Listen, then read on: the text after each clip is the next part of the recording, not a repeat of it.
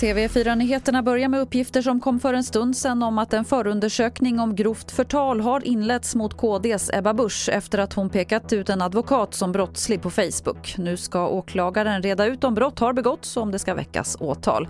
Mer om det här finns på tv4.se.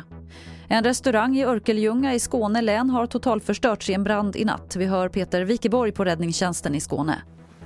Där är inte någonting att rädda utan vi låter byggnaden brinna ner under kontrollerade former. Såg du ut när ni kom till platsen? Eh, det brann kraftigt i ena delen av eh, byggnaden och hade börjat även att ta sig i den andra delen.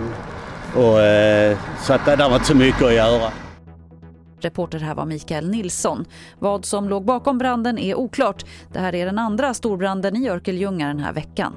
Till sist kan vi berätta att två svenskar som tänkt lämna landet med flyg har stoppats på Arlanda med falska resultat från covid-test. De stoppades vid incheckningen där flygbolaget tittade på deras papper, blev misstänksamma och kontaktade polisen.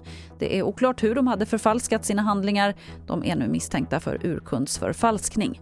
Det var det senaste från TV4 Nyheterna. Jag heter Lotta Wall.